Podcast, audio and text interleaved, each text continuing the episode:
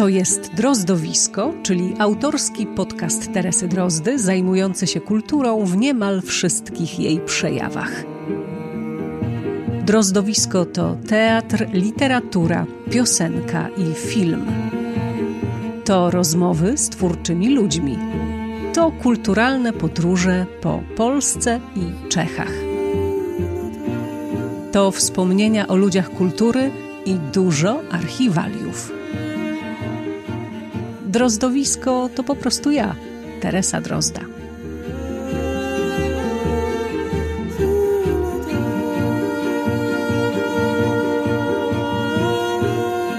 Dzień dobry, dziś bez zbędnych wstępów, aczkolwiek moje prośby do Was są niezmienne. Jeśli lubicie i słuchacie, polecajcie drozdowisko dalej i dalej. Niech się roznosi i rozsiewa, bo to wciąż jednak nowa forma mojej z Wami rozmowy, no i w ogóle nowa forma medialnej obecności. Radio bez radia. Drozdowisko nie mogłoby powstawać, gdyby nie finansujący je patroni. W każdej chwili każdy do tego grona może dołączyć, a szczegóły są na stronie patronite.pl ukośnik Teresa Drozda. Serdecznie witam na pokładzie dwójkę nowych patronów. Mam nadzieję, że Was nie zawiodę. Dziś w audycji przede wszystkim hmm, chyba wykład o historii historii protektoratu Czech i Moraw. I powiem Wam, że dla takich właśnie niczym nieskrępowanych rozmów powstał ten podcast. Zapraszam. To jest Drozdowisko. Drozdowisko, odcinek numer 31 i zapowiadałam Wam w tym targowym 30 odcinku, e, że ten 30 Pierwszy będzie e, wyjątkowy e, dzięki gościowi, którego do mikrofonu udało mi się zaprosić. E, pan Piotr Majewski, pan profesor. Dzień dobry, panie profesorze. Dzień dobry, pani redaktor. Dzień dobry państwu. Dobra, to już sobie nie profesorujmy i nie redaktorujmy. Dobrze, dziękuję. A spotykamy się w związku z nową pańską książką, książką, która nosi tytuł Niech sobie nie myślą, że jesteśmy kolaborantami. Protektorat Czech i Mora w 1939-45. Książka wydana przez e, wydawnictwo krytyki politycznej w takiej e, zresztą bardzo ciekawej e, historycznej serii, o której też myślę kiedyś przygotuję w ogóle odcinek podcastu, bo ona jest tego warta. Mm, no i to jest książka, która jest pewną konsekwencją e, książki wydanej w roku 2019, Kiedy wybuchnie wojna, 1938, Studium kryzysu. Zresztą to była książka nominowana i była w ścisłym finale Nagrody Literackiej Nike, co chyba się książkom historycznym specjalnie często nie zdarza. Miała genialne recenzje, rozmawialiśmy o niej zresztą jeszcze w trochę innych okolicznościach. Więc dzisiaj o tej drugiej książce, ale to jest druga część, panie Piotrze?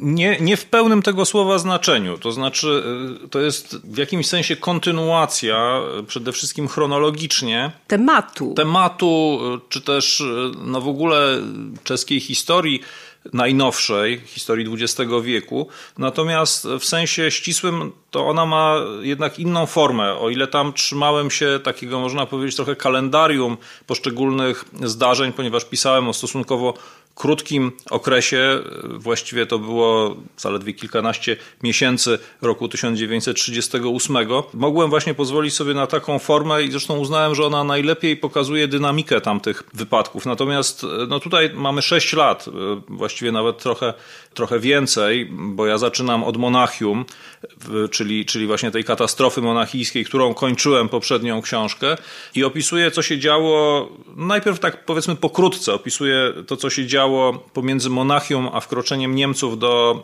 Pragi 15 marca 1939 roku, czyli to jest półrocze, ale niezwykle ważne, jeszcze e, niepodległej Czechosłowacji, ale już zmieniającej się bardzo wyraźnie w stosunku do tego, co istniało przed, e, przed e, konferencją monachijską.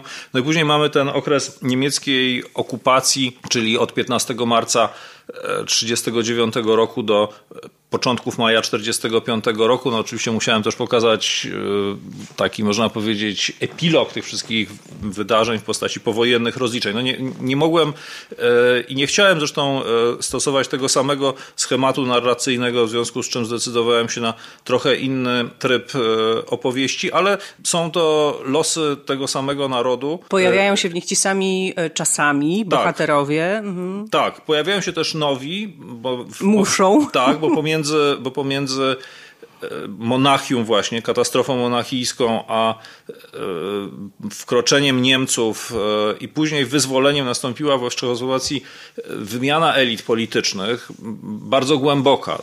To znaczy ta Czechosłowacja z państwa demokratycznego, prozachodniego zmieniła się w państwo autorytarne i takiego, można powiedzieć, klienta, e, sojusznika właściwie do pewnego stopnia III Rzeszy, chociaż bez, bez formalnych zobowiązań. No i później e, oczywiście już e, w czasach protektoratu Czech i Moraw była państwem czy, czy takim właściwie taką formą państwowości, ściślej rzecz biorąc, e, wasalną, zależną od Niemiec w czasie wojny. To się pogłębiało. Ostatecznie, ostatecznie e, no, ja używam takiego określenia, że były to tereny okupowane, co, co dobrze moim zdaniem oddaje tamtą rzeczywistość, aczkolwiek formalnie to był protektorat Czech i Moraw, czyli taka jednostka administracyjna w obrębie Rzeszy Niemieckiej ciesząca tak jak się generalne pewno... gubernatorstwo, tak? Tak, były pewne podobieństwa, aczkolwiek e, zakres autonomii e, tego tworu, jakim był protektorat, był, był bez porównania większy. To mhm. znaczy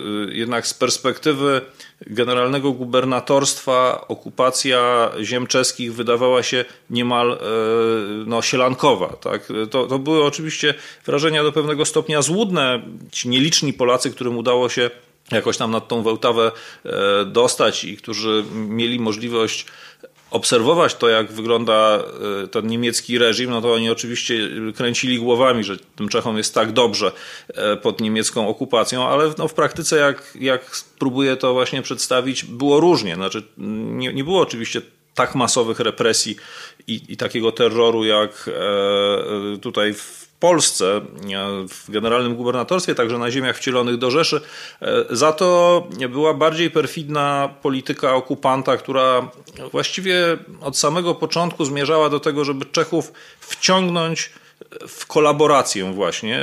Oni tego tak na początku nie widzieli, rzecz jasna, to znaczy myśleli, że to jest jakaś taka forma współpracy z Niemcami, e, w której uda im się tych Niemców wyprowadzić w pole, że będą im tam powiedzmy składali jakieś hołdy, jakieś będą... A ro będą robili swoje, A będą robili prawda? swoje, tak. Mhm. Czesi mają tego długą tradycję, już, już no, taką nawet można powiedzieć troszeczkę, troszeczkę stereotypowo tak Czechów widzimy, prawda? Ale taką mieli też tradycję z czasów I wojny światowej, do której nawiązywali. To znaczy, że z jednej strony oficjalna reprezentacja polityczna po stronie państw e, centralnych, no, posłowie e, czescy przecież do, prawie do końca lojalnie popierali e, Habsburgów, podczas gdy na emigracji akcja niepodległościowa przygotowująca grunt pod niepodległe, niepodległe państwo. państwo. Mhm. I oni myśleli, że to się powiedzie również e, w tej kolejnej wojnie.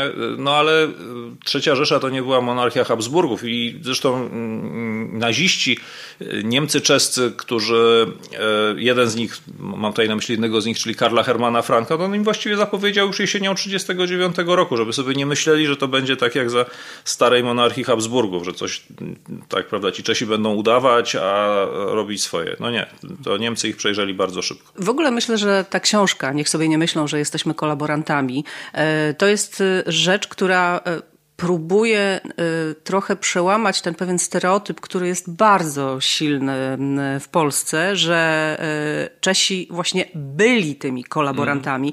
Nawet dzisiaj przed naszym spotkaniem zajrzałam do Wikipedii, polskiej Wikipedii i tam to jest napisane wprost, że prezydent Haha był na czele, no dobra, prezydent nie był na czele rządu, no ale on wszystko z nim musiało być konsultowane, wszystkie decyzje podejmowane przez ten czeski rząd protektoratu Czech i Moraw, że po prostu to był rząd kolaboracyjny i to jest napisane wprost, a, a pan całą tą swoją książką, myślę, próbuje pokazać, że to nie było czarno-białe. Mhm. E tak, dokładnie. To znaczy, ja w sumie bym się zgodził z tezą, e, że władze czeskie były kolaboracyjne, tylko bym powiedział, że one. Nie były na własne życzenie. Tak, i nie były od początku, że one się stały w pewnym momencie, e, no właściwie taką już zupełną marionetką w rękach Niemców. Było kilku takich rzeczywiście ideowo zaangażowanych polityków, e, którzy byli kolaborantami. Zaprzańców takich, tak. E, znaczy, to wszystko zależy od tego, jak definiujemy kolaborację? To jest e, w ogóle dosyć ciekawe i skomplikowane w gruncie rzeczy zagadnienie. Nie takie proste w każdym bądź razie, jak nam Polakom czasem się wydaje, że to tak właśnie zero-jedynkowo. Ktoś był, ktoś, e, ktoś nie był. E, ja poświęciłem temu w sumie bardzo niewiele miejsca i to już tylko na koniec książki w takiej notce, można powiedzieć, trochę bardziej mm, teoretycznej czy, czy metodologicznej, bo z tą kolaboracją to jest tak jak z wieloma innymi zagadnieniami, które, czy zjawiskami, które dotyczą e, zachowań społecznych i które są e, w gruncie rzeczy na bieżąco definiowane przez jakieś zbiorowości. Daję tam taki przykład. Oficer, który, który przekazuje e, wrogowi jakieś tajne plany, prawda, tajne informacje. On jest zdrajcą. Nie uważamy go za kolaboranta, kolaborant to, to coś innego, ale to jest jednoznaczne. Są na to odpowiednie zapisy, tak, e, ustawy, które mówią, że nie wolno przekazywać tajemnicy wojskowej osobom nieuprawnionym. Takiego człowieka można za to sądzić, można go skazać w niektórych państwach do dzisiaj na karę śmierci. W czasie II wojny światowej myślę, że we wszystkich państwach, które, które e, uczestniczyły w tym konflikcie, takie przestępstwo było karane śmiercią.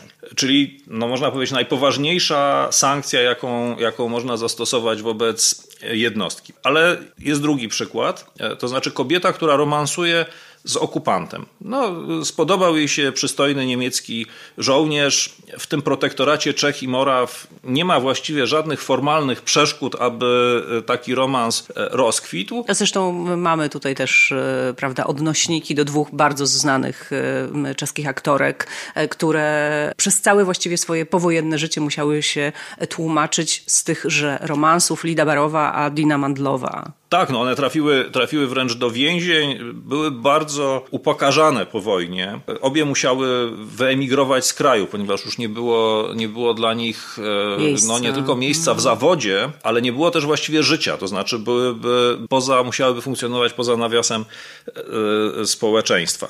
No i e, to nie jest przestępstwo, tak? Znaczy nie, w żadnym kodeksie karnym przed wojną, jak mi się wydaje, e, nie wiem, chyba nawet w Związku Radzieckim nie było zapisu, że no, kobieta nie może może się związać z przedstawicielem innego państwa. I to pokazuje, że w tym przypadku, bo takie właśnie romansowanie było uważane za e, kolaborację, nazywano ją z pogardą e, kolaboracją horyzontalną, no, od tego, że te kobiety się kładły, prawda, i, ta, i tak dalej.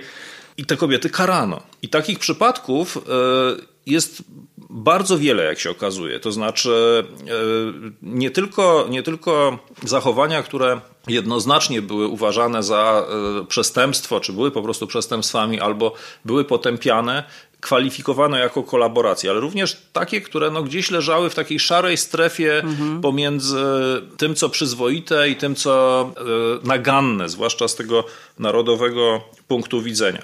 Ja o tym właściwie bardzo niewiele też piszę, bo, bo już mi trochę zabrakło czasu na dokończenie badań nad, nad e, tą problematyką, no ale jest ogromna sfera w przypadku Czech i Moraw i nie tylko, bo to dotyczy bardzo wielu innych okupowanych państw, chociażby Francji, to znaczy współpraca gospodarcza. E, do jakiego stopnia ci ludzie, którzy pracowali, e, no nie myślę tutaj o szeregowych robotnikach, ale nie wiem, inżynierowie czy kadra kierownicza, zwłaszcza tych strategicznych zakładów przemysłowych produkujących e, czołgi, samoloty, samochody, broń dla armii niemieckiej do jakiego stopnia można ich uznać za kolaborantów. Po wojnie bardzo różnie do tego mhm. podchodzono. W jednych przypadkach dawano e, właściwie takie rozgrzeszenie. Nie miałeś wyjścia. E, nie miałeś wyjścia, albo. Chciałeś dbać o to, żeby ta fabryka nie wiem, nie została zniszczona, zbombardowana.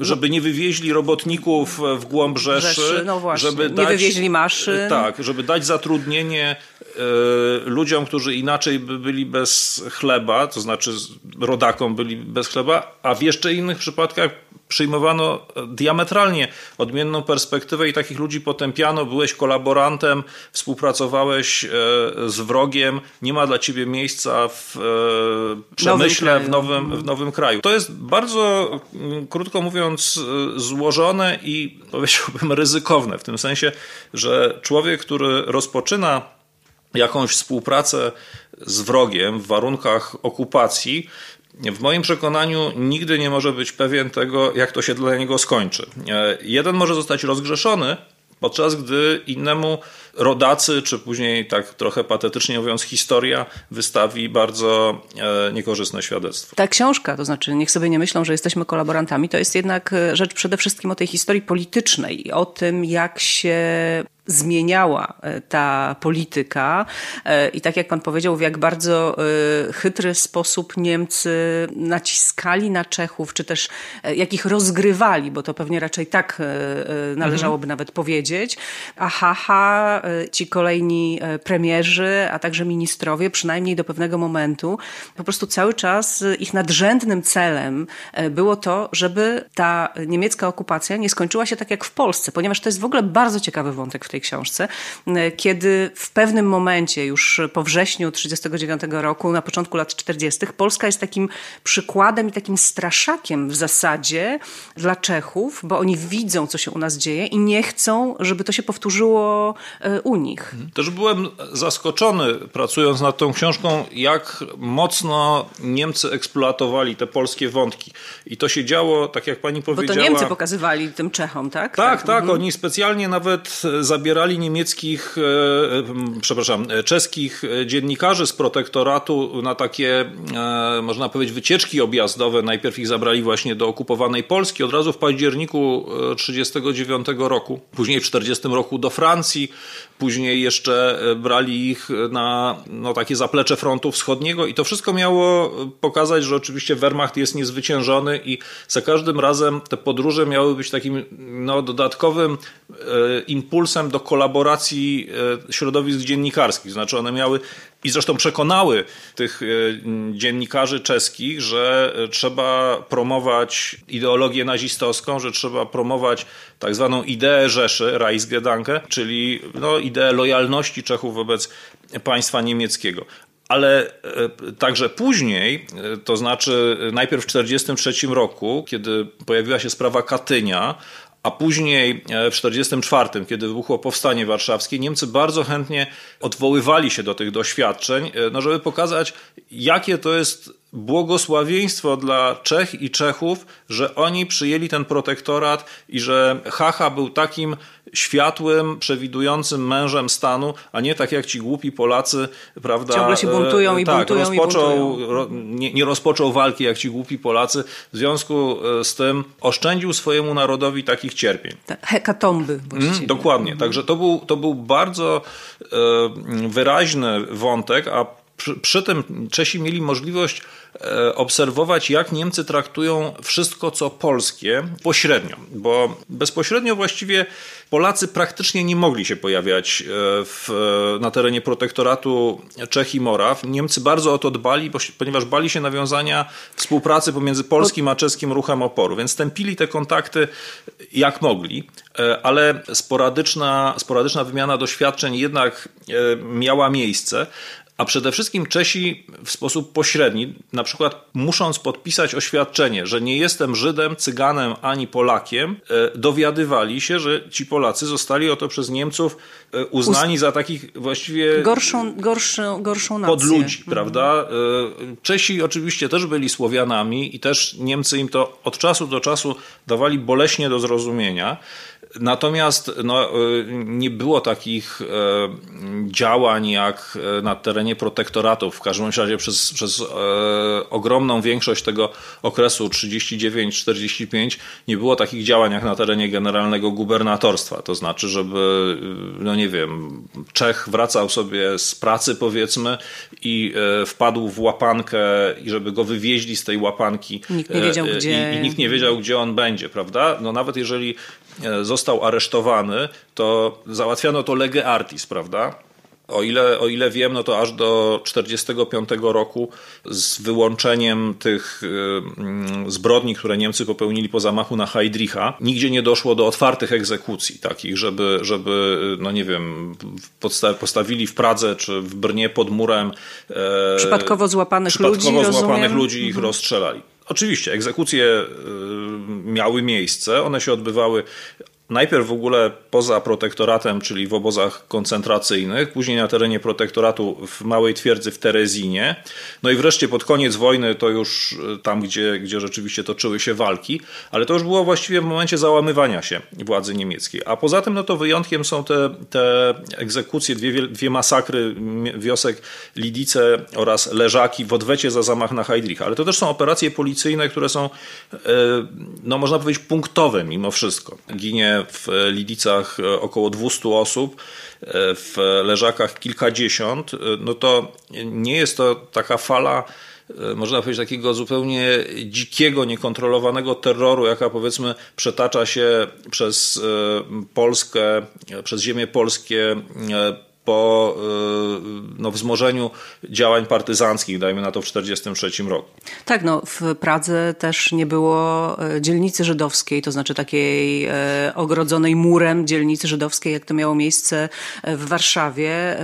Żydzi długi czas, oczywiście mając ograniczane prawa i będąc osobami drugiej, trzeciej, piątej kategorii, to też musiało te Pragę zmieniać. To znaczy, znaczy ona inaczej funkcjonowała też z tego powodu. Tak, e, oprócz tego, że Niemcy traktowali Pragę jak niemieckie miasto. Mhm. Traktowali ją również jako część nie starej Rzeszy oczywiście, bo, bo była częścią tych terenów, które, które zostały przyłączone dopiero w 1939 roku, ale jako powiedzmy część tej samej strefy cywilizacyjnej. To znaczy, że tam jednak Niemcy stosowali nieco inne reguły niż dalej na wschodzie czy na Bałkanach. Nawet jeśli chodzi o zagładę Żydów, y, to nie jest mi znany y, ani jeden przypadek. Może się mylę, ale wydaje mi się, że nie było takiego, takiego wydarzenia, żeby Niemcy rozstrzelali schwytanych Żydów gdzieś na ulicy pod płotem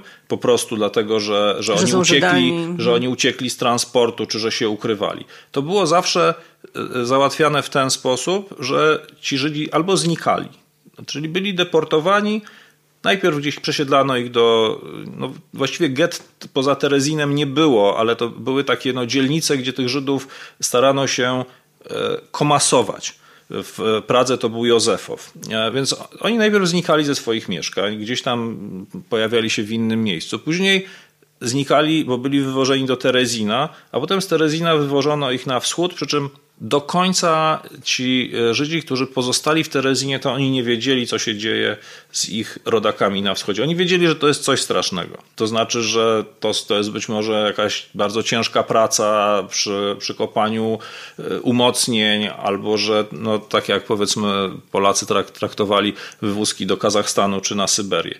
Ale nie mieli pojęcia, nie mieli ostatecznej pewności w każdym razie, że wszystkich czeka, czy prawie wszystkich czeka e, zagłada. Co ciekawe, jednemu z e, tych e, Żydów z Terezina wywiezionych na wschód udało się wrócić z powrotem. Udało mu się uciec, uciec z Auschwitz i powrócić do Terezina. On został przyjęty przez, no tych można powiedzieć, przywódców żydowskich, czy przez Radę Starszych w, w getcie, oni mu nie uwierzyli. Oni, oni uznali, że to są, e, że jemu się pomieszały zmysły, że to jest niemożliwe. E, więc, więc... Że ci kulturalni Niemcy... Tak. No, oni już Niemców nie uważali za no. takich bardzo kulturalnych w tym momencie, ale uważali, że to jest bez sensu, tak? Znaczy, mhm. że, tego się, że to jest po prostu niewyobrażalne, żeby coś takiego mogło się wydarzyć.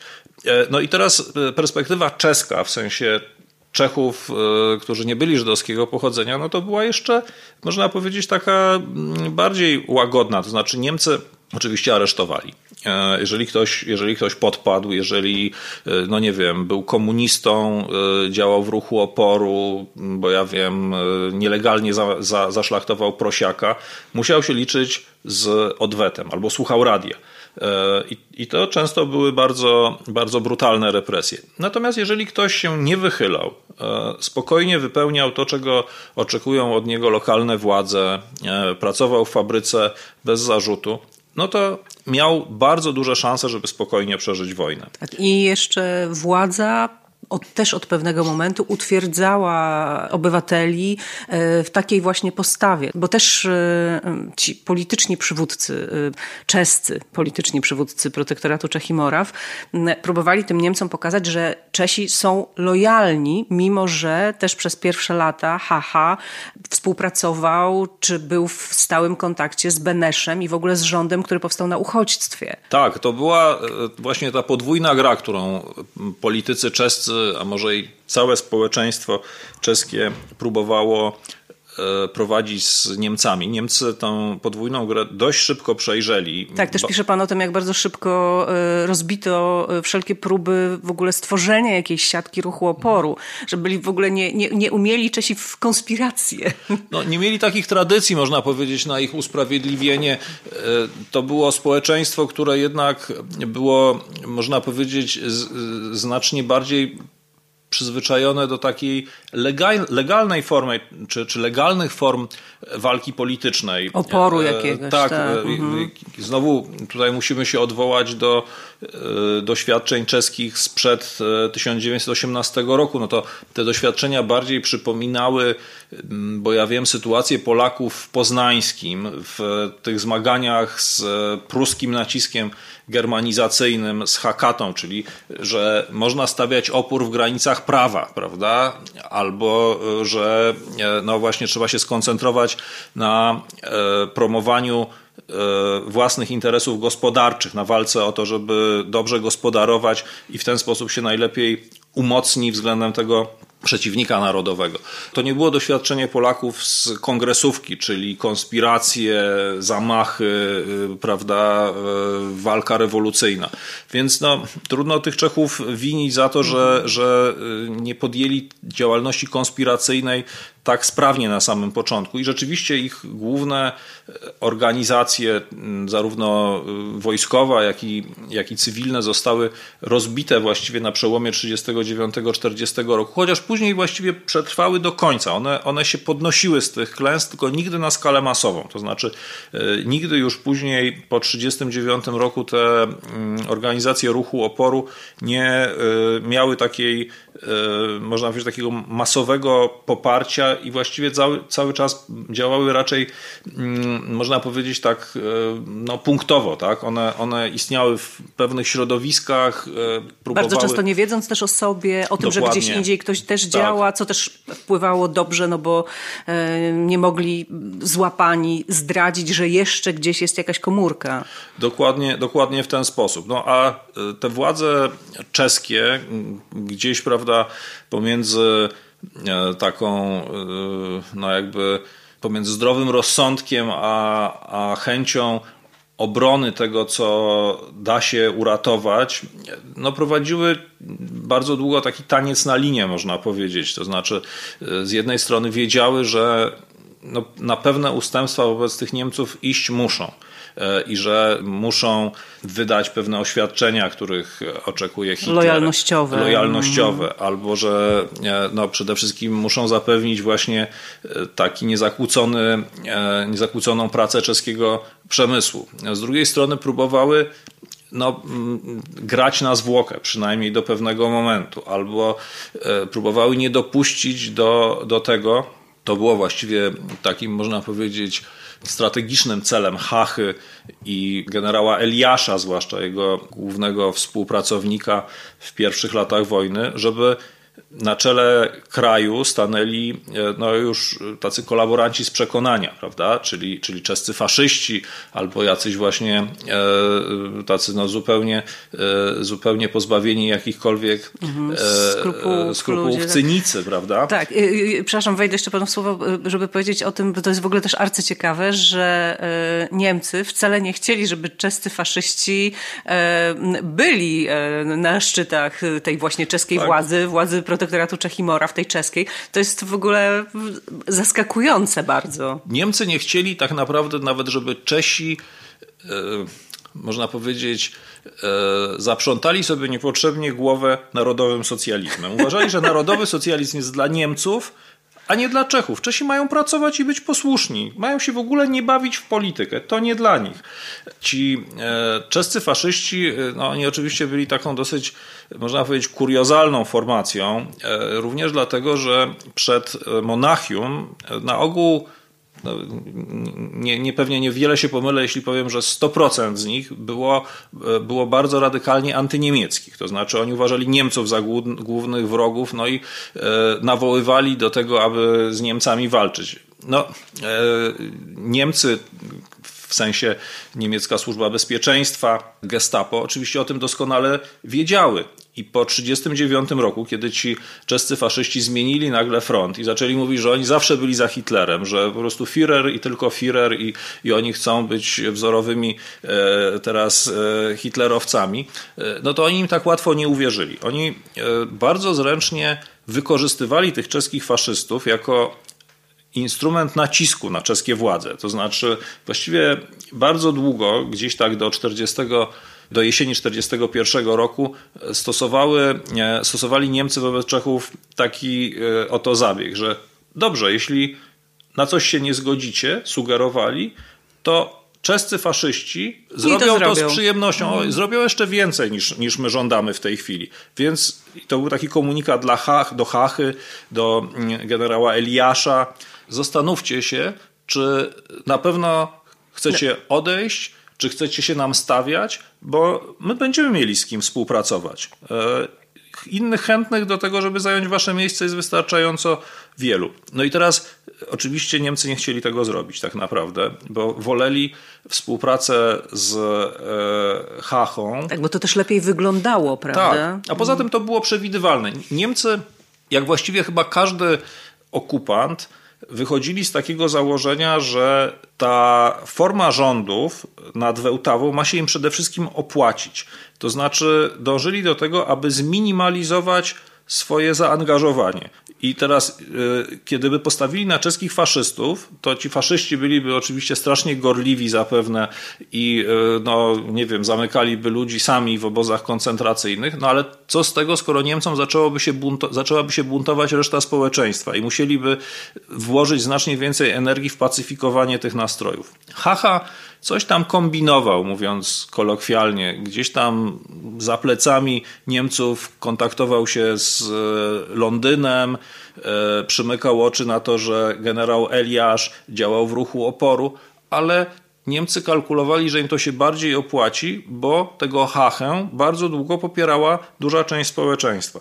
Więc to była ciągła gra, prawda? Z punktu widzenia Niemców, można powiedzieć, była taka nieustanna kalkulacja, co bardziej się e, opłaca. I trzeba Niemcom oddać jedną rzecz. To jest mm, zaskakujące, że właściwie w Polsce na to nie wpadli, czy też, że, że, że w Polsce. Nie działali, było takiego planu. No. Tak, działali no. według zupełnie innego, innego planu.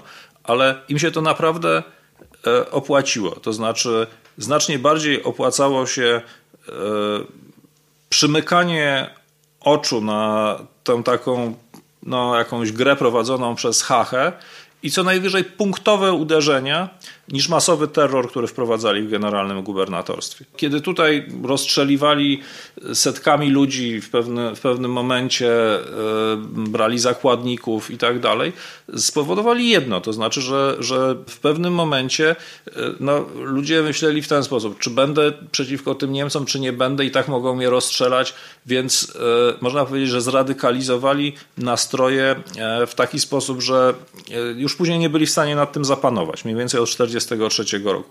Podczas gdy nad Wełtawą taka, można powiedzieć, bardziej rozsądna, czy może bardziej perfidna niemiecka polityka pozwoliła im utrzymać kontrolę do 40, do, do, do maja 1945 roku, no, kiedy załamywało się niemieckie panowanie, znaczy Niemcy wycofywali się przed nacierającą Armią Czerwoną i Amerykanami, dochodziło do wybuchów do takich lokalnych powstań. Jednym z tych powstań było powstanie w Pradze, które, które no, y, też jest wyjątkowe, bo skończyło się sukcesem, ale co do zasady, właściwie Niemcom udało się utrzymać kontrolę nad tymi ziemiami od początku okupacji, czyli od 15 marca 1939 roku do pierwszych dni maja 1945.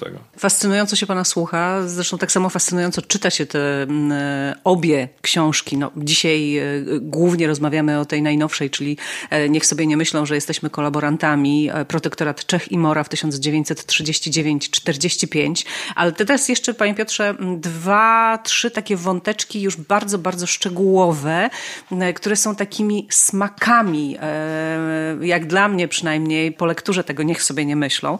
E, to znaczy, Pierwsza rzecz. Sam początek książki, wkroczenie Niemców e, do e, Pragi e, w marcu 1939 roku. Sprawozdawca radiowy, o którym pan pisze, próbuje całą tą swoją relacją wyrazić protest i sprzeciw przeciwko temu, co relacjonuje. Czy wiemy, co się stało z tym sprawozdawcą? Czy Niemcy się połapali, że on w taki sposób relacjonował na antenie czeskiego radia to wkroczenie ich do Pragi? Ten, ten sprawozdawca radiowy miał takie słodkie nazwisko, nazywał się Franciszek Kocourek, czyli po polsku Kocurek, ale był bardzo wbrew, wbrew temu właśnie takiemu miękkiemu nazwisku, był bardzo odważnym e, człowiekiem i nie tylko pozwolił sobie na no właściwie taką otwartą kpinę z okupanta, e, relacjonując niemiecką defiladę na placu Wacława, opowiadał o jakiejś wronie, która e, szybuje od Muzeum Narodowego, przygląda się i się dziwi. No i tutaj e, możemy powiedzieć, że mamy do czynienia z takim typowo czeskim poczuciem humoru, bo właściwie ten kocołrek nie mówi niczego z punktu widzenia Niemców nagannego. On się tylko zachwyca tym, co widzi, ale robi to w sposób tak przesadny, e, no właściwie taki właśnie szwejkowski, prawda? Posłusznie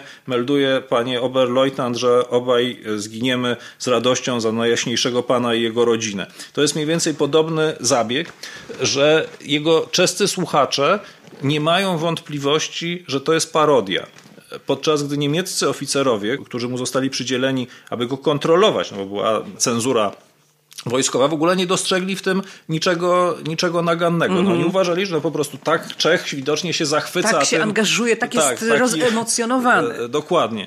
A e, no, później wobec niego nie wyciągnięto wtedy konsekwencji, o ile mi wiadomo, natomiast on się później związał z ruchem oporu i nie przeżył wojny. On został mm -hmm. aresztowany i, i, zginął, z tego mm -hmm. co wiem. Nie potrafię powiedzieć w tej chwili z pamięci w, w którym roku, ale trafił do, do niemieckiego więzienia i, e, i nie przeżył wojny. A ta transmisja się zachowała gdzieś w archiwum archiwach czeskiego radia? Tak, można ją znaleźć. Wydaje mi się, że wydaje mi się, że można ją znaleźć w każdym razie jej fragmenty nawet online. E, jest taka w ogóle seria nagrań z Placu Wacława, bo na Placu Wacława odbywały się e, w XX wieku bardzo liczne wydarzenia, czy no, też tak, demonstracje. No, to jest to centrum Pragi, e, na którym wszystko się zaczyna albo wszystko kończy. Tak, tak. To, no, każda, każda każde porządne polityczne zawirowanie e, w Czechach musi mieć albo swój początek, albo finał na placu Wacława. I ktoś padł na pomysł, żeby zrobić audycję e, śladami tych właśnie wydarzeń ja jeszcze kilka miesięcy temu znalazłem to e, w internecie. Mam nadzieję, że nie, nie, nie zniknęło. I tam są zarówno nagrania audio, jak i nagrania filmowe. Bardzo ciekawe. Z, z, właśnie począwszy od czasów przedwojennych, a skończywszy na, wydaje mi się, że ostatniej z 89 roku, czyli ta manifestacja kluczykowa mhm. słynna. Słuchajcie, jeśli ja to znajdę, e, to mm, te nagrania, e, te strony, o której teraz mówi pan Piotr, to oczywiście znajdziecie ją również w opisie tego odcinka. To znaczy link do, do, do tej strony zamieszczę w opisie mm, odcinka. Tak, to są te niesamowite możliwości, które daje podcast. Więc to było moje pierwsze takie właśnie szczegółowe bardzo pytanie dotyczące tego sprawozdawcy radiowego. E, druga rzecz, też tam pan wspomina, że Czesi tuż po wkroczeniu e, Niemców do, do Czechosłowacji uciekali e, do Polski i uciekali przez kopalnie w Cieszynie. No to jest w ogóle też jakaś absolutnie fascynująca historia. Tak, mnie też to się wydało zupełnie, zupełnie nieprawdopodobne, ale sprawdzałem to w kilku miejscach i to się potwierdza. To znaczy, nie znalazłem, przyznaję, żadnej relacji bezpośredniej takiego mhm, kogoś, kogoś, kto uciekł kto tak? uciekł, mhm. ale ta, ta ucieczka przebiegała e, pod ziemiami czy sztolniami, które znajdowały się może nie tyle w samym Cieszynie, ile na Śląsku Cieszyńskim, na tych terenach e, pewnie bliżej Karwiny, Morawskiej Ostrawy, gdzie e, no, po prostu istniała bardzo rozgałęziona sieć takich właśnie podziemnych korytarzy górniczych i ta sieć nie pokrywała się, czy, czy, czy ona się nie kończyła zgodnie z granicami państwowymi. No, no bo tam też się tak. te granice ciągle zmieniały dokładnie. w dwudziestoleciu międzywojennym. E, tak. Dokładnie, więc e, jeżeli, jeżeli ktoś miał dobre kontakty w środowiskach górniczych, e, co zazwyczaj oznaczało, że musiał należeć do którejś z tych organizacji konspiracyjnych, które z kolei miały jakieś swoje kontakty ze związkami zawodowymi czy ze związkowcami, mógł być przeprowadzony przez kopalnię i wyprowadzony gdzieś później po polskiej stronie. To pewnie było stosunkowo skomplikowane. E, więcej ludzi uciekało. No, przez zieloną granicę normalnie. Przez zieloną górą. granicę, jadą, przede wszystkim jadąc na Słowację i uciekając później przez granicę słowacko-polską, co było wtedy jeszcze e, stosunkowo łatwe. To się zmienia dopiero po 1 września oczywiście. W ogóle po 1 września wyjazd z protektoratu staje się praktycznie niemożliwy. Trzeba, trzeba już uciekać e, no, ze wszystkimi tego konsekwencjami. To znaczy, to znaczy. Że jeżeli się zostanie złapanym, tak, to po prostu obóz. się ginie. Mhm. Albo Aha. ginie się, albo obóz koncentracyjny. I jeszcze e, kolejny wątek, to znaczy tym bardzo również krwawym szefem niemieckim w protektoracie Czech i Moraw, który nie był protektorem, ale był zastępcą protektora, e, padło już tutaj nawet jego nazwisko, był Karl Frank, ale ja myślę, że y, dla Polaków to może być też lekki kłopot, ponieważ myśmy mieli Hansa Franka. Czy ci dwaj panowie Frankowie mają w ogóle ze sobą coś wspólnego, poza tym, że byli po prostu okropnymi nazistami, zbrodniarzami wojennymi? Nie, oni są, to jest w ogóle dosyć częste, popularne nazwisko w Niemczech. E, Frank, ten polski, Hans Frank, e, należał do e, elity nazistów, to znaczy był działaczem partii nazistowskiej od dawna i takim, można powiedzieć, zaufanym prawnikiem Hitlera. Potem popadł w niełaskę. On się skonfliktował z innymi wysoko postawionymi nazistami i sam Hitler zaczął traktować go, no można powiedzieć, z, niechęcią. Ten, ten awans na stanowisko E, generalnego gubernatora e, okupowanych ziem polskich był właściwie, można powiedzieć, takim, jak to kolokwialnie mówiono, kopem w górę, tak? To znaczy, żeby Franka pozbyć się z samej, e, z samej Rzeszy. Ale to był jednak człowiek, człowiek wysoko umocowany od, od początku. Natomiast ten czeski Karl Hermann Frank, czy też KH Frank, jak nazywają go Czesi, od jego inicjałów, on był nazistą raczej takiego średniego szczebla, zastępcą Konrada Henleina, czyli przywódcy partii Niemców Sudeckich, która działała do 1938 roku w Czechosłowacji. E, miał różne związki. Bo on już... się w ogóle w Karlowych Warach urodził. On się urodził w Karlowych Warach. To jest ciekawe zresztą, że właśnie, właśnie te jego dwa imiona są e, ciekawym przykładem takiego naznaczenia e, niemieckim nacjonalizmem od kołyski, bo nosi imiona takiego mm, bardzo znanego działacza nacjonalistycznego niemieckiego z e, przełomu XIX i XX wieku, Karla Hermana Wolfa, e, który mm, zasłynął tym, że się pojedynkował w czasie kryzysu w 1897 roku pojedynkował się z polskim premierem Austrii, przepraszam, e, Kazimierzem Badenim. No i to był taki, można powiedzieć, bohater niemieckich nacjonalistów tamtej epoki. Karl Hermann Frank, który się, który się urodził niedługo potem, otrzymał... Tak, 98 rok, 1898 98 rok, tak. rok później otrzymał, otrzymał imiona na jego pamiątkę. No ale był to człowiek, człowiek e, zdecydowanie e, niższej rangi, niższej pozycji niż ten, niż ten Frank e, z generalnego gubernatorstwa, ale uważany przez Hitlera za eksperta do spraw czeskich. I to mu dawało taką unikalną dosyć pozycję człowieka, który nie mógł wprawdzie awansować na tego Reichsprotektora, o czym marzył. marzył. Mm, Hitler mu na to nigdy nie pozwolił, ale właściwie dał mu pełnię władzy, od pewnego momentu dał mu pełnię władzy w kraju. To znaczy, na początku on, y, można powiedzieć, konkurował z pierwszym y, protektorem Rzeszy, czyli Konstantinem von Neuratem. Później, kiedy Neurata zastąpił Reinhard Heydrich, no to oczywiście e, Frank musiał schować się trochę,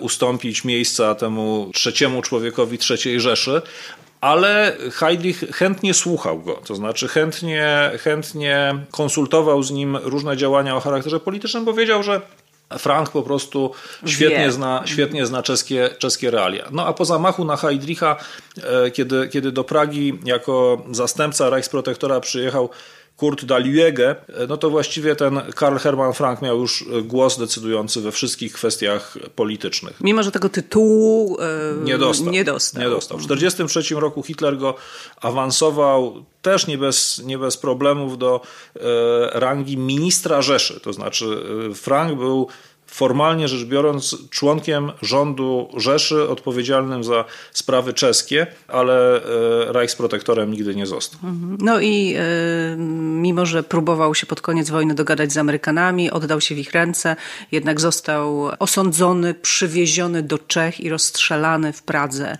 na Pankracu jako, mhm. jako ten, który mm, no, był symbolem tego, co złego działo się w protektoracie. Tak, no. znaczy on był, on był dla Czechów, dla zwykłego Czecha, uosobieniem tej niemieckiej okupacji, podwójnie nawet. To znaczy, no po pierwsze, jako człowiek, który jednak firmował tę politykę okupacyjną i miał zazwyczaj decydujący głos w e, tych sprawach kluczowych dla Czechów, no i po drugie, dlatego, że on był Niemcem sudeckim. To znaczy, on w sobie łączył taką wizję, która, która jest no, do dzisiaj bardzo mocno zakorzeniona w Czechach, że to nie tylko Niemcy zgotowali Czechom ten los, ale że to byli Niemcy czescy, którzy mieli decydujący wpływ na e, politykę okupacyjną. To nie jest do końca prawda. To znaczy, o ile rzeczywiście Karl Hermann Frank miał wiele do powiedzenia i, i y, słuchali go i Hitler, i, y, i Heydrich, no o tyle oczywiście decyzje zapadały w Berlinie. To Hitler decydował koniec końców o tym, jakim zakresem autonomii będą się cieszyli Czesi. No i ostatnia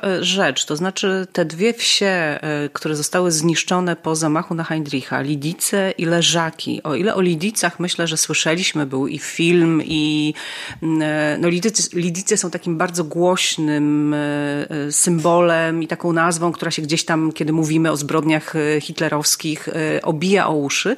O tyle te leżaki nie.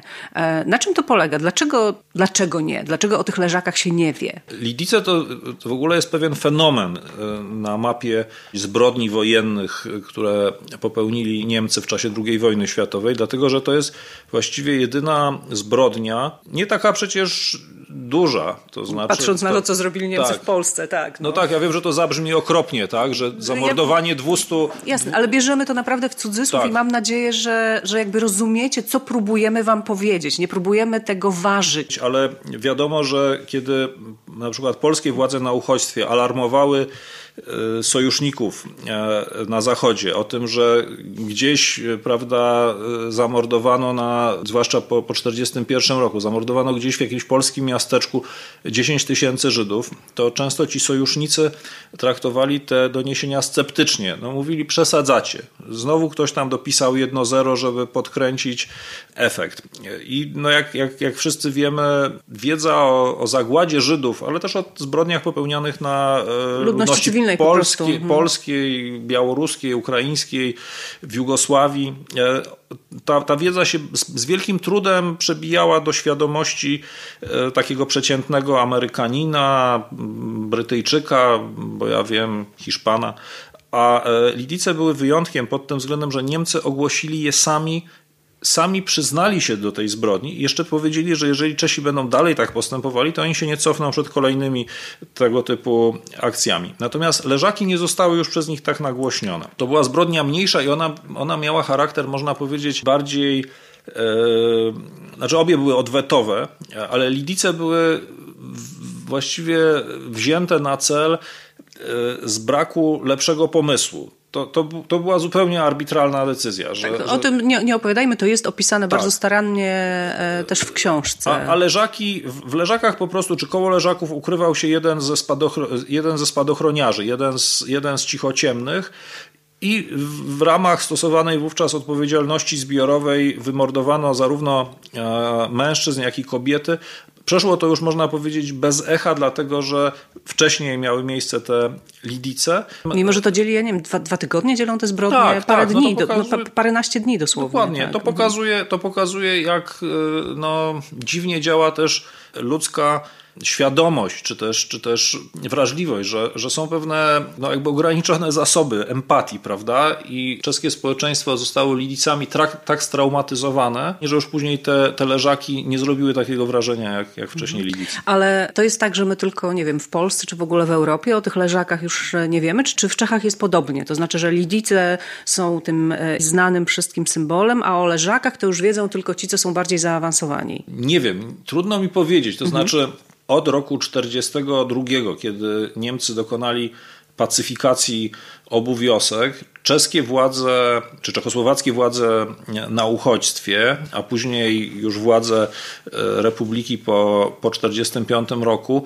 dokładały bardzo dużych starań, aby Lidice stały się znanym na cały świat e, symbolem niemieckich zbrodni. To budziło w czasie wojny pewne no, niezadowolenie na przykład władz polskich, e, które uważały, że no, Czesi, Czesi się kreują tak, na, na e, ofiary. ofiary wojny, podczas gdy tak naprawdę no, to, co to są za cierpienia w porównaniu, e, bo ja wiem, mm.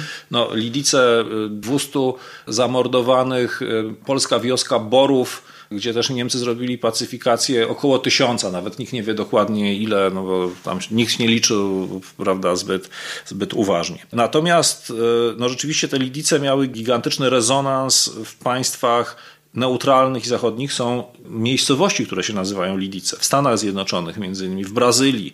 Nadane te, nadano te nazwy właśnie wtedy, żeby.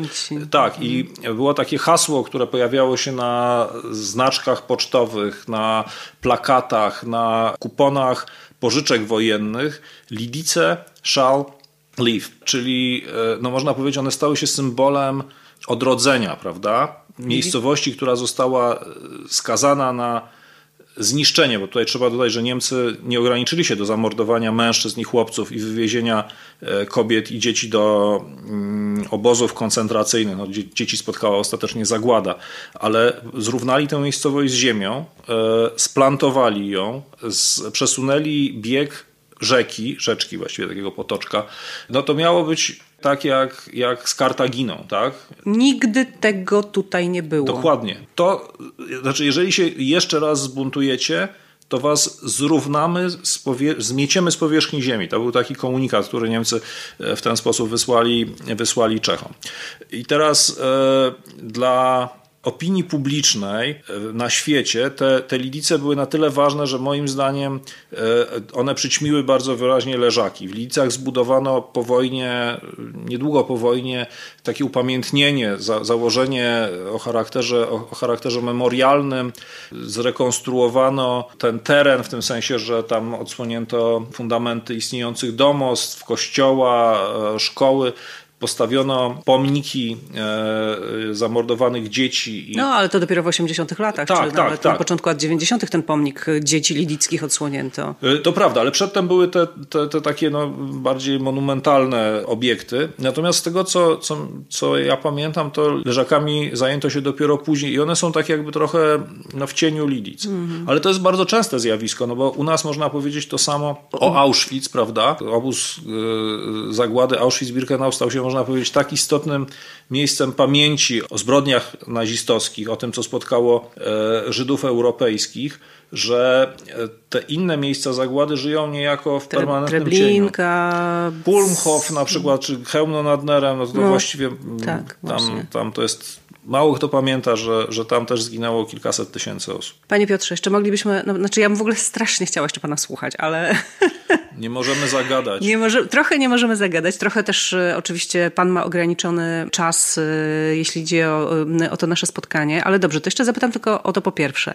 Jak się pisze taką książkę? No i dwa, czy będzie ciąg dalszy, e, czyli na przykład próba opowieści jeszcze tego, co się działo przez te trzy lata do lutego 1948 roku, do przejęcia w Czechosłowacji władzy przez komunistów, bo to też jest bardzo skomplikowana i bardzo ciekawa historia. Przyznam, że jeszcze o tym nie myślałem. To znaczy, taki temat już mi, czy taki, taki pomysł podrzucił mi Aleksander Kaczorowski, który czytał jeszcze maszynopis tej książki i powiedział mi, że no właściwie taką naturalną kontynuacją powinny być, powinno być to trzylecie 45-48. E, ja y, no nie zbierałem jeszcze materiałów do takiej pracy, ale pomyślę o tym, może w troszkę dalszej perspektywie. A, czyli że nie za dwa lata. No myślę, że nie, nie, do tego jestem zupełnie nieprzygotowany. Ja teraz raczej, raczej zastanawiam się nad, nad napisaniem takiej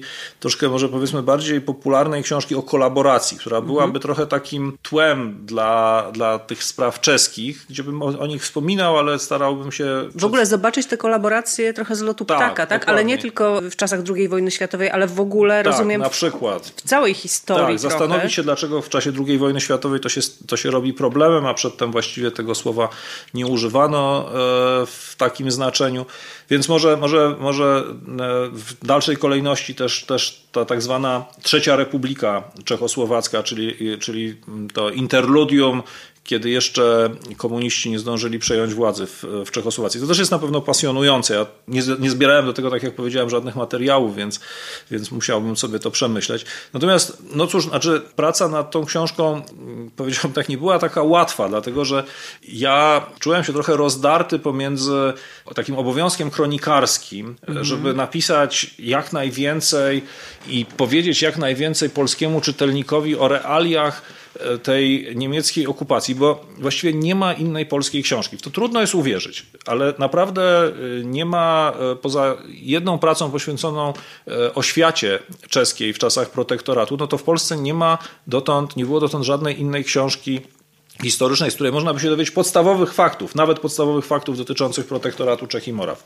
Więc to z jednej strony mną kierowało, kiedy, kiedy no jakby konstruowałem tę książkę, a z drugiej strony chciałem e, no, pokazać, że to jest też jakaś historia, tak? Znaczy, że, że, żeby nie, nie chciałem że, też ugrząść... to jest, że to jest też proces, że to, że, e, że, to, tak. że, to, że to nie jest jednorodne, że tych, że tych sześć lat to nie był, e, one inne były w 1939 roku, a zupełnie inaczej wszystko wyglądało w 1945. Dokładnie tak, no i że te zmieniające się realia też wpływały na ludzkie wybory, że się tam zmienił garnitur polityków, prawda? Haha niby był od początku do końca, no ale on już można powiedzieć, że gdzieś tak od 42 roku to był tak straumatyzowany, czy też zdemenciały w gruncie rzeczy. Coraz bardziej chory, chory coraz bardziej zrezygnowany. Tak, że, że no właściwie Niemcy traktowali go jako taką kukiełkę, którą, którą pokazywali Czechom e, przy, przy różnych okazjach, a tak naprawdę pod dokumentami w pewnym momencie kazali przystawiać faksymile jego podpisu, żeby e, nie było, nie było problemu. Próbowałem to w związku z tym też opowiedzieć tak, aby to było jakoś przystępne dla polskiego czytelnika, no a tym samym musiałem pewne z pewnych szczegółów zrezygnować. Stąd do końca towarzyszyła mi taka obawa, czy, czy ten kompromis, jaki próbowałem e, osiągnąć pomiędzy tymi dwoma celami, czy mi się to udało zrobić. Czy, czy z jednej strony nie jest to zbyt powierzchowne, wydarzeniowe, e, a, a z drugiej strony, czy nie zanudzam e, czytelników nadmiarem szczegółów, jakichś, prawda, super, super, super takich jednostkowych informacji. No to ja mogę powiedzieć jako czytelnik obu tych książek, bo też oczywiście patrzę na nie jako na pewną całość, że książka Kiedy wybuchnie wojna 1938 Studium kryzysu jest książką absolutnie wyjątkową wyjątkową i książką historyczną, którą się czyta jak thriller, ale Jednocześnie wielkim problemem było dla mnie połapanie się mimo wszystko e, w tej ilości e, szczegółów, nazwisk, detali, które się w tej książce pojawiają. I potem jakby w trakcie tego czytania uznałam, że jednak nie muszę sobie tym do końca zaprzątać głowy, ponieważ czytam tę historię i jak mówię, ona jest napisana jak thriller polityczny, więc e, wcześniej czy później, nawet jeśli kogoś zgubię, coś zapomnę, to mi to wróci w trakcie lektury. Z kolei, niech sobie nie myślą, że jesteśmy kolaborantami, czytało mi się dużo lepiej, łatwiej, prościej. To nie jest właśnie książka trzymająca w aż takim napięciu, jak kiedy wybuchnie wojna, ale w sensie komunikatywnym dla mnie była dużo czytelniejsza, a jednocześnie no, o ilu szczegółach żeśmy powiedzieli, ile tam, wiadomo, że każdy zwraca uwagę na zupełnie inne szczegóły, każdy czytelnik. No, mnie zaintrygowały te kopalnie, właśnie ten sprawozdawca radiowy, wiadomo, musiał mnie e, zainteresować sprawozdawca radiowy, ale jednocześnie tak, są tam te, te detale, te smaczki, te szczegóły, a jednocześnie mamy namalowaną całą tę rzeczywistość, całą tę perspektywę. Więc myślę, że dało się to, udało się. Bardzo się cieszę w takim to, to zrobić i, i, nie ma się pan, i nie ma się pan czym martwić. To są w zupełnie inny sposób, tak jak powiedzieliśmy na początku, napisane książki, ale i jedna i druga e, daje nam naprawdę bardzo, bardzo dużą wiedzę, nawet jeśli nie zapamiętamy wszystkich nazwisk, ani wszystkich detali, świadomość tego, że to nie było czarno-białe, że Czesi naprawdę e, e, nie przywitali e, oklaskami wkraczających do Pragi hitlerowców. Mam nadzieję, że to wybrzmiewa i że, i że to zostanie. Tak, no moją, moją intencją absolutnie nie było przedstawienie Czechów jako kolaborantów. To, to jeszcze raz podkreślę, żeby, żebyśmy wspólnie dali odpór tej uproszczonej wizji w, Świata, z, tak. z Wikipedii, ale też jakoś to czeskie doświadczenie jest przestrogą. To znaczy, że bardzo łatwo jest e, pójść na kompromis e, czy na e, współpracę z nieprzyjacielem i później właściwie nie wiadomo, kiedy człowiek jest już po tej drugiej stronie i mówi to, co oczekuje od niego jego wróg i robi co więcej różne nieciekawe rzeczy. To jest też, to jest też przestroga z historii protektoratu Czech i Moraw. Taka, którą możemy sobie wziąć do serca również dzisiaj. Piotr Majewski, niech sobie nie myślą, że jesteśmy kolaborantami Protektorat Czech i Moraw 1939-45 i e, Kiedy wybuchnie wojna 1938. Studium kryzysu, dwie wyjątkowe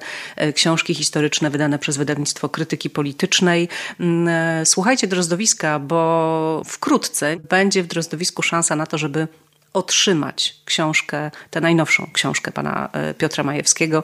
Taki konkurs przygotowuję we współpracy z wydawnictwem krytyki politycznej. Panie Piotrze, bardzo dziękuję za to spotkanie. Za to ja dziękuję. Przyjęcie mnie w pańskim gabinecie. To jest pana gabinet tutaj na Uniwersytecie no, Warszawskim? To jest gabinet nas kilku. My tutaj urzędujemy w kilka osób, stąd jak pani widzi ta, ta Ściana biblioteka. książek. Tak, to tak. Nie, nie, one nie są tylko moje. Moja jest tylko tutaj pewna część. Widzę tam Havel stoi na tej tak, pewnie pańskiej półce. To jest moja półka właśnie. E, e, tutaj. tutaj jest ze 3 metry e, wysokości, myślę, ma to pomieszczenie i ten regał z książkami sięga nieomal sufitu, także możecie sobie wyobrazić, jak to tu wygląda. Tak, to jest jeden z nielicznych e, ocalałych właściwie w całości gmachów na tym głównym kampusie uniwersyteckim. Budynek pomuzealny. Bardzo zapraszam w imieniu Wydziału Historii, który się tu mieści. Dziękuję pięknie. E, Piotr Majewski w Drozdowisku. Do Dzie usłyszenia. Dziękuję bardzo. Dziękuję za zaproszenie.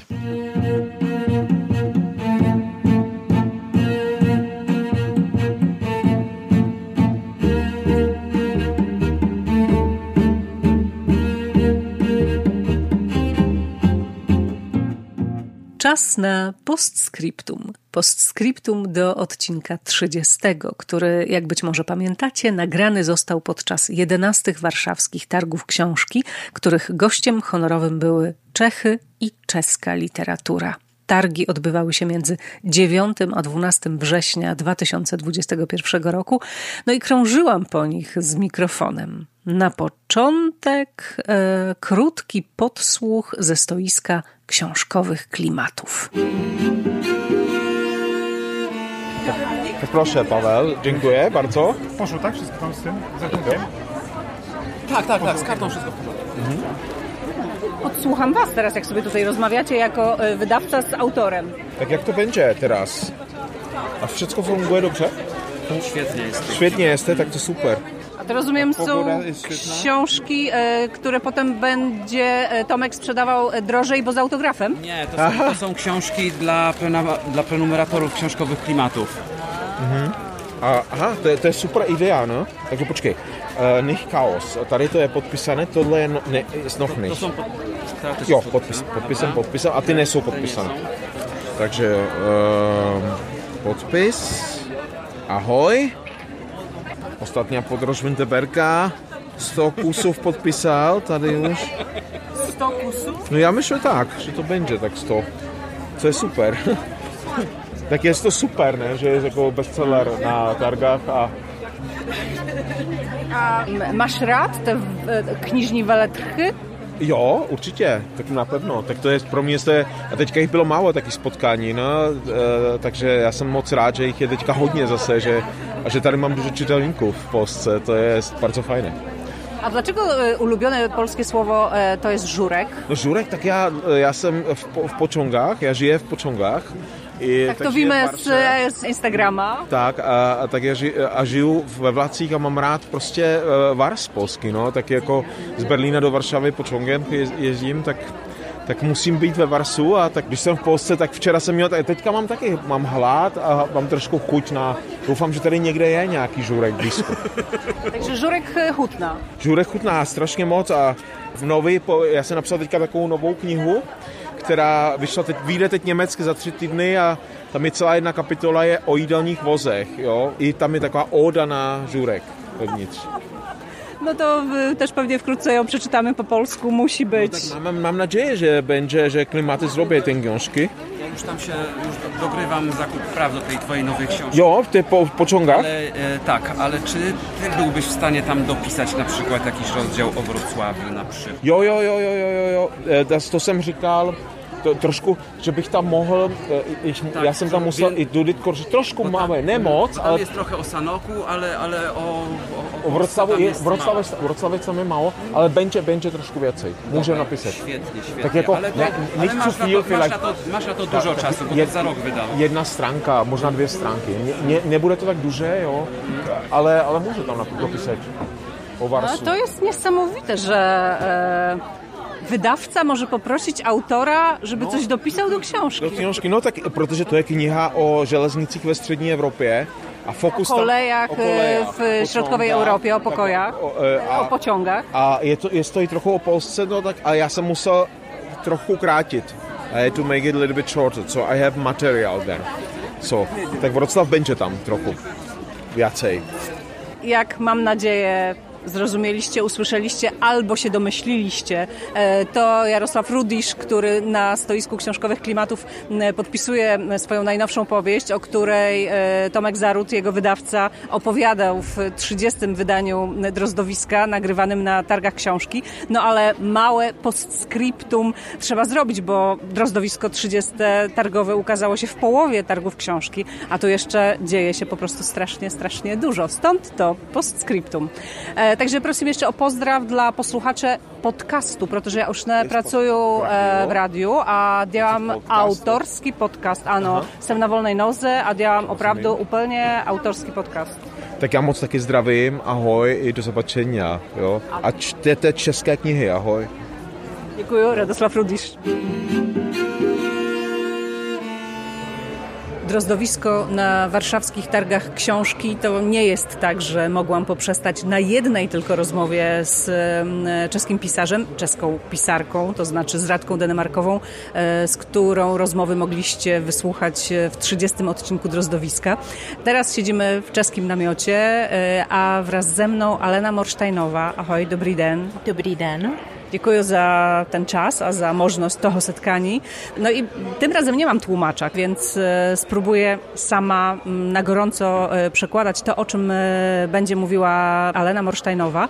Dwie wasze knižky są w polštině, nebo tři? E, Zatím dvě, ale třetí knížka se připravuje a měla by vyjít v roce 2022. A na další knížku nakladatelství Amaltea koupila práva na poslední knihu Listopad, e, která e, vyšla v České republice letos na jaře. W tej chwili e, na polskim rynku mamy dwie książki pani Aleny Morsztajnowej. Kolejna się tłumaczy i ukaże się w wydawnictwie Amaltea w roku 2022. E, No i także Amaltea ma w planach wydanie kolejnej książki, która w tym roku ukazała się w Czeskiej Republice Polsce nosi tytuł Listopad. Tę jsem widziała, protože ona někde na tych Instagramach, Bookstagramach a tak dál, protože ona měla velký úspěch. Ano, doposud eh, se jí prodalo eh, přes 60 tisíc eh, kusů v České republice a to vyšla v Dubnu, takže bych řekla, že se čtenářům asi líbí. To jest książka, y, która się już sprzedała w 60 tysiącach egzemplarzy w y, Czeskiej Republice. Wyszła w kwietniu 2021 roku, w tej chwili jest wrzesień, więc e, no, na mm, podstawie e, tych wyników sprzedaży można stwierdzić, że się e, czytelnikom podoba. Ale wy ste zaczęła strasznie, jakbych to rzekła, była ste już moc dospiela, gdy se zaczęła psać. E, ponieważ pani Alena Morsztajnowa zadebiutowała w roku 2013, e, już będąc, tak to nazwałam, dorosłą bardzo osobą. Tak odkud se to wzało, to wasze psání? Vy to říkáte velice laskavě. Ano, moje první knižka vyšla, když mi bylo 50 let, ale já jsem tu knihu začala psát už v roce 2000. A vlastně jsem si tím psaním v tom roce 2000 splnila své dávné přání, eh, protože já jsem vždycky chtěla psát, ale eh, protože život se nevyvíjí vždycky tak, jak chceme, tak jsem se k tomu psaní dostala trošku později a psaní mé první knihy mi trvalo 11 let a další dva roky trvalo, než kniha vyšla v českém nakladatelství Host. Książka, pierwsza książka Aleny Morsztajnowej, a dajmy jeszcze ten tytuł. To byla Slepá mapa, pustá mapa, která vyšla už i v Polsku. To była pusta mapa, która jest tą książką przełożoną na, na język polski. Ona ukazała się w roku 2013, ale Alena Morsztajnowa pisała ją 11 lat, ponieważ e, no musiała na to swoje pisanie e, trochę poczekać. Nie zawsze życie układa się tak, jakbyśmy sobie tego życzyli.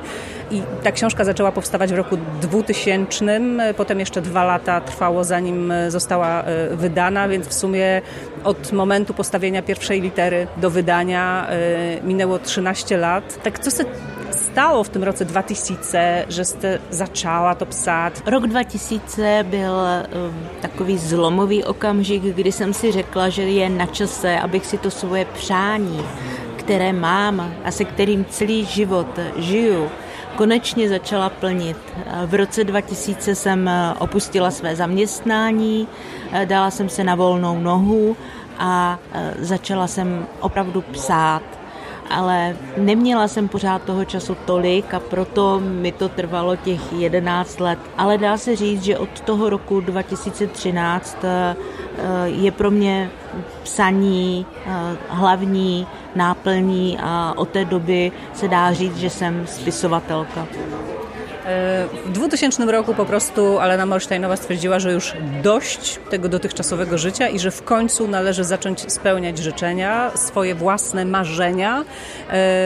Zrezygnowała z pracy, została wolnym strzelcem e, no i zaczęła pisać, no ale ponieważ e, no nie dało się tego zrobić tak od razu i od ręki, e, musiała się jednak różnymi innymi rzeczami również zajmować, dlatego to pisanie trwało tak bardzo długo. Ale od momentu, kiedy ukazała się ta pierwsza książka w roku 2013 2013 można powiedzieć i mówi o sobie Alena Morsztajnowa, że e, jest e, pisarką. No a tak to główny temat tych waszych kniżek jest historia, a ta, ten jeden mały człowiek tej historii, a co ta historia z nim działa. Głównym tematem książek Aleny Morsztajnowej jest człowiek wobec historii. No i pytam o to, y, dlaczego takie właśnie tematy wybiera. Já si myslím, že samozřejmě každý v každém okamžiku svého života přijímáme nějaká rozhodnutí a každé to rozhodnutí ovlivňuje to, jaký bude náš život, ale i život okolo lidí okolo nás. Ale zároveň žijeme v určitém prostředí, nežijeme ve vzduchoprázdnu, žijeme v prostředí, které nás ovlivňuje. Ovlivňuje nás i život lidí, kteří žili před námi, ovlivňují nás životy našich současníků, my ovlivňujeme budoucnost lidí, kteří přijdou po nás. A to já vlastně píšu v těch svých knihách. Za... Abyśmy to nějak rozuměli, abychom měli na to pozor? Nechci nikoho vychovávat, já spíš tu situaci popisuju, eh, protože já vlastně při tom psaní se nad tím sama zamýšlím a sama si při tom psaní uvědomuju, jak jsou některé okamžiky, které se nám v tom životě zdají třeba nepodstatné, do budoucnosti důležité.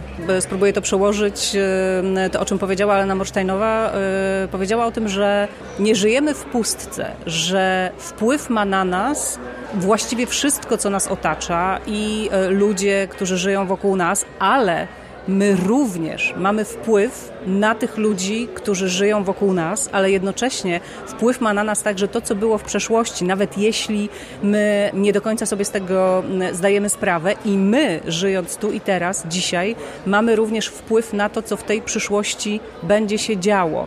Ja zapytałam, e, czy e, dlatego o takich rzeczach pisze, żebyśmy mieli to na uwadze, żebyśmy o tym pamiętali, żebyśmy to zauważali.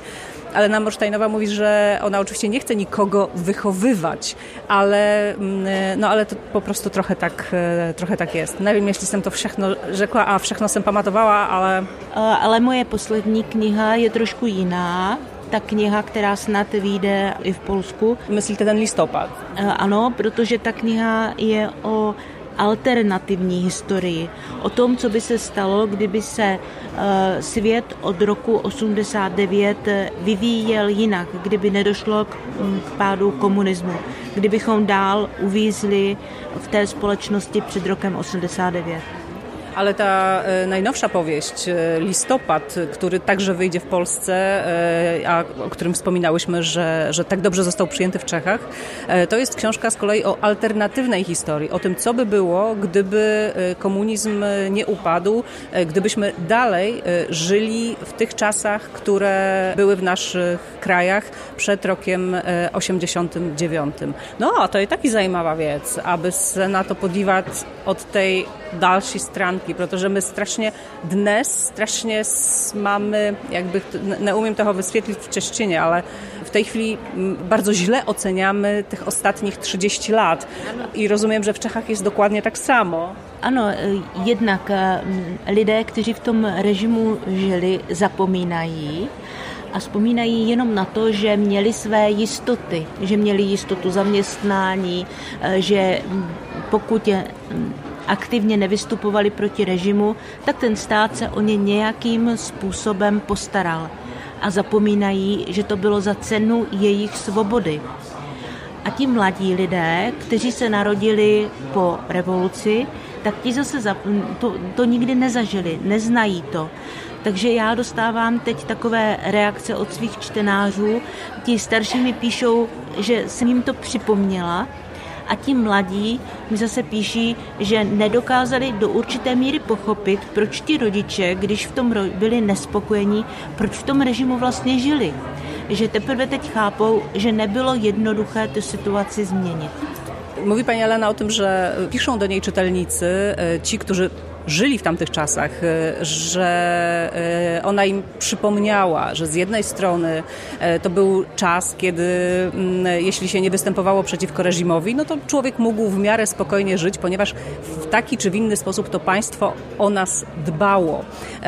Ale zapominamy trochę, że to było za cenę mm, wolności. A z kolei młodzi, którzy tego nie przeżyli, czytając tę książkę, mm, wreszcie rozumieją, na czym polegały pewne e, dylematy i na czym polegało to, w czym żyli ich rodzice, na czym polegał ten brak wolności i e, rozumieją również to, że to nie było wcale takie proste i nie było e, czarno-białe.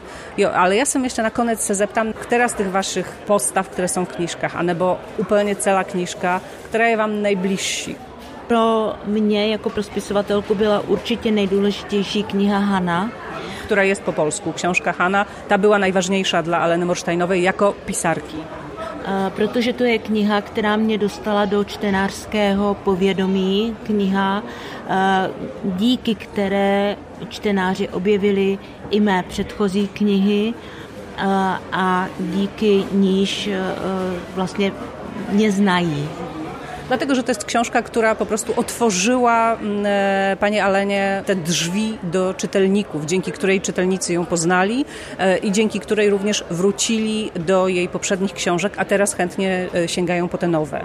Já dost dobře nerozumím tomu, proč právě Hana se stala tak populární, protože si myslím, že je z mých knih nejtíživější, ale čtenáři zřejmě um, si tu knihu oblíbili protože vychází nejvíce ze skutečnosti, vypráví o dějinách eh, mého města, ve kterém žiju a i ty postavy jsou do určité míry uh, skutečné. Možná to je to, co čtenáře na té knize tak e, láka. Pani Alena mówi, że do końca nie rozumie, dlaczego Hanna e, jest tą najpoczytniejszą, czy najbardziej znaną, najbardziej też uznaną jej książką, dlatego, że to dotyczy bardzo trudnych tematów i trudnych spraw, ale też być może dzieje się tak dlatego, że ona jest najbliżej prawdziwych wydarzeń, opowiada o prawdziwym mieście i są tam historyczne postaci, historyczni bohaterowie.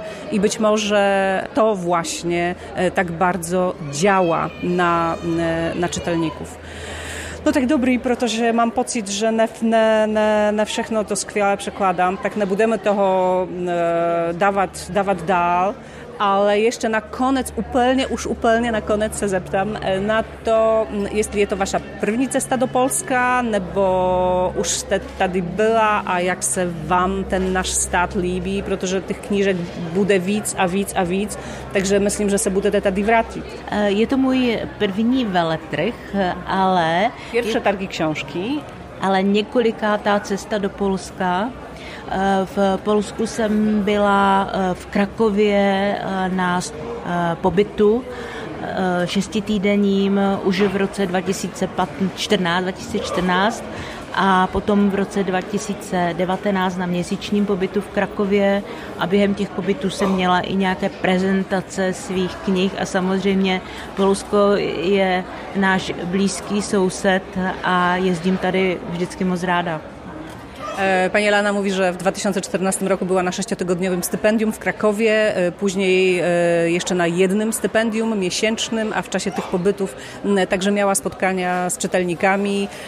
No a ponieważ Polska to jest najbliższy sąsiad Czech, więc oczywiście i ona, i inni czescy pisarze przyjeżdżają tutaj bardzo, bardzo chętnie, a my Was tu chętnie witamy. Także bardzo serdecznie dziękuję za to spotkanie, za tych parę minut, a dobrego czasu jeszcze na targach książki, a może zobaczymy się e, też i w Czechach. Dziękuję. Dziękuję moc. Co? Zostało jeszcze coś, czy już pakujecie? Niech się wypowie księgarz. Ja nie mam siły. Jeden pan przyszedł i powiedział, że mi chce oddać 5 złotych, bo kilka lat temu ode mnie pożyczył na ulicy i nie miał okazji mi oddać, ponieważ siedział w więzieniu. Ale chce mi powiedzieć, że mama przysłała mu do zakładu karnego książkę Joanny Gierakonoszko 27 śmierci Tobiego Obeda i cała cela ją przeczytała i cała cela była zachwycona. I chciał to powiedzieć i jednocześnie oddać 5 złotych. Otwiera portfel i mówi pan co, ja nie mam tych 5 złotych. I poszedł. Czyli będzie jeszcze do ciebie wracał. Będzie do mnie wracał.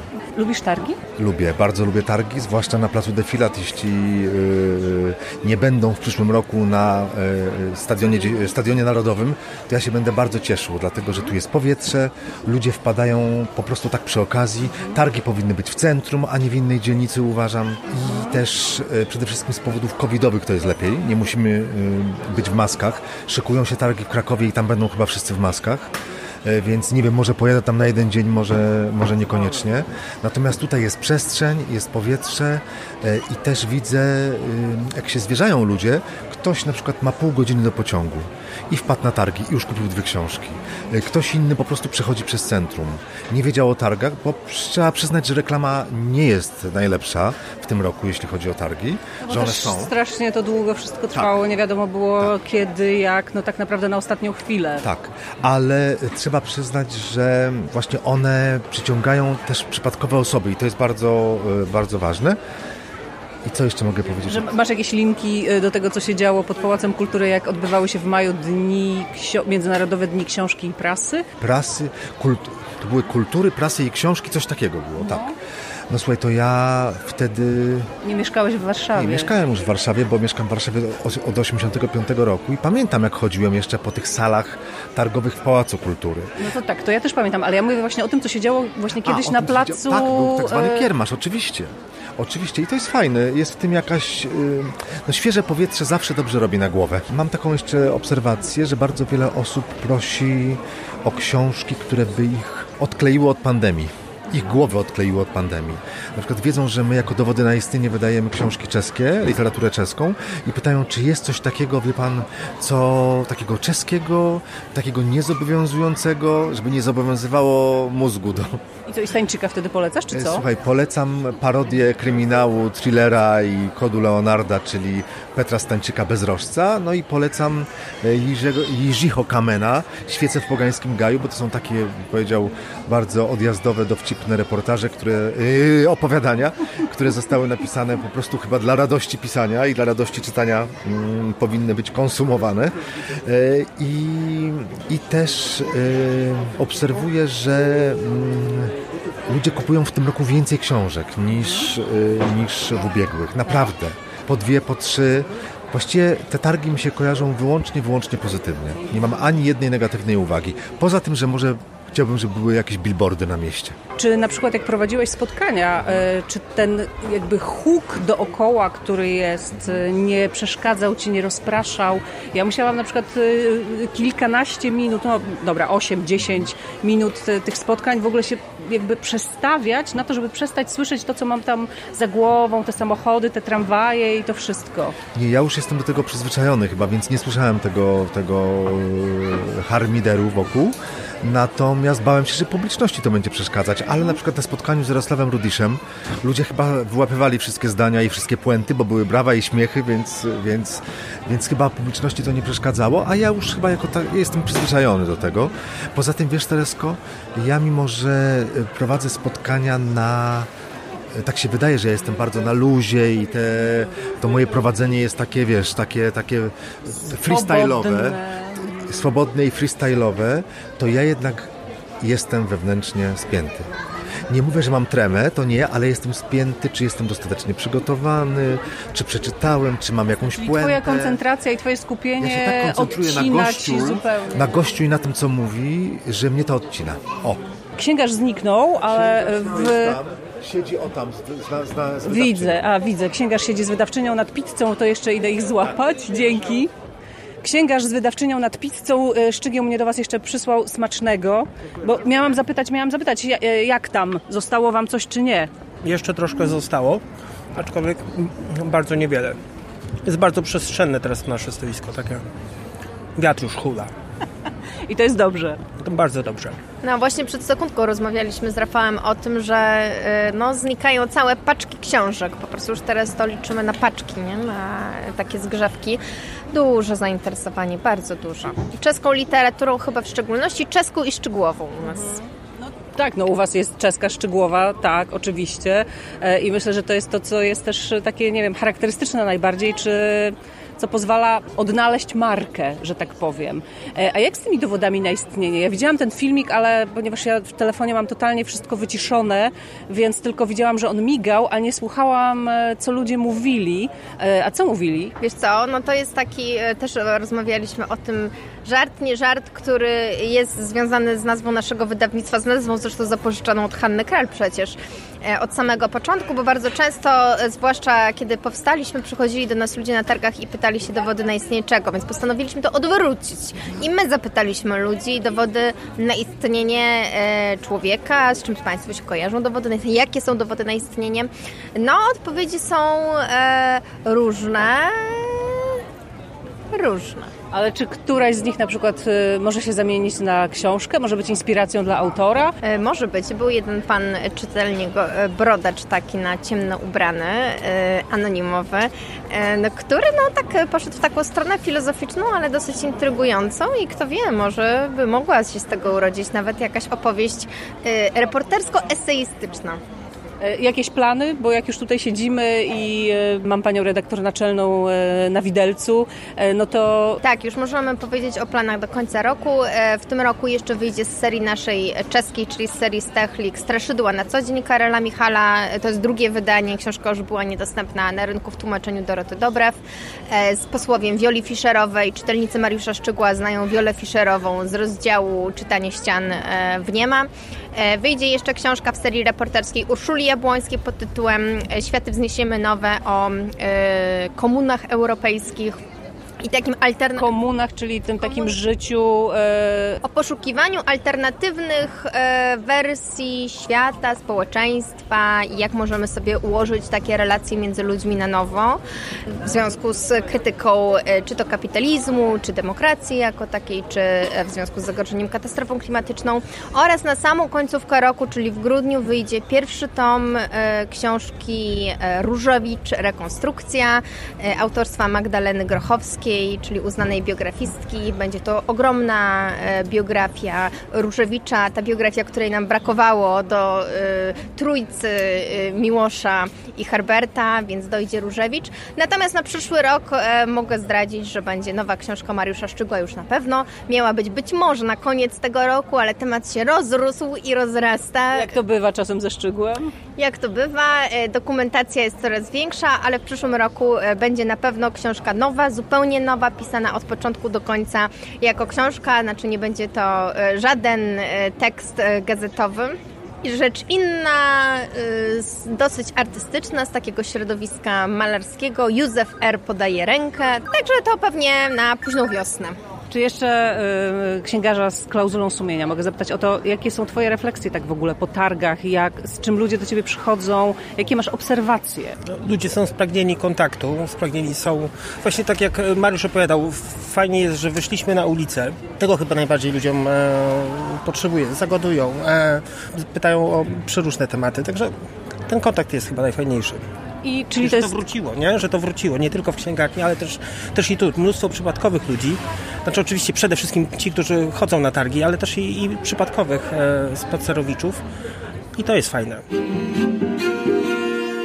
Stoisko wydawnictwa Dowody na istnienie było ostatnim punktem moich targowych spacerów. Julianna Jonek-Springer zdradziła wam plany wydawnicze dowodów, księgarz z klauzulą sumienia podsumowywał sprzedaż, no a Mariusz Szczygieł podzielił się refleksji szeregiem. Te targi były naprawdę fantastycznym przeżyciem. Jestem przeszczęśliwa, że mogłam wziąć w nich aktywny udział.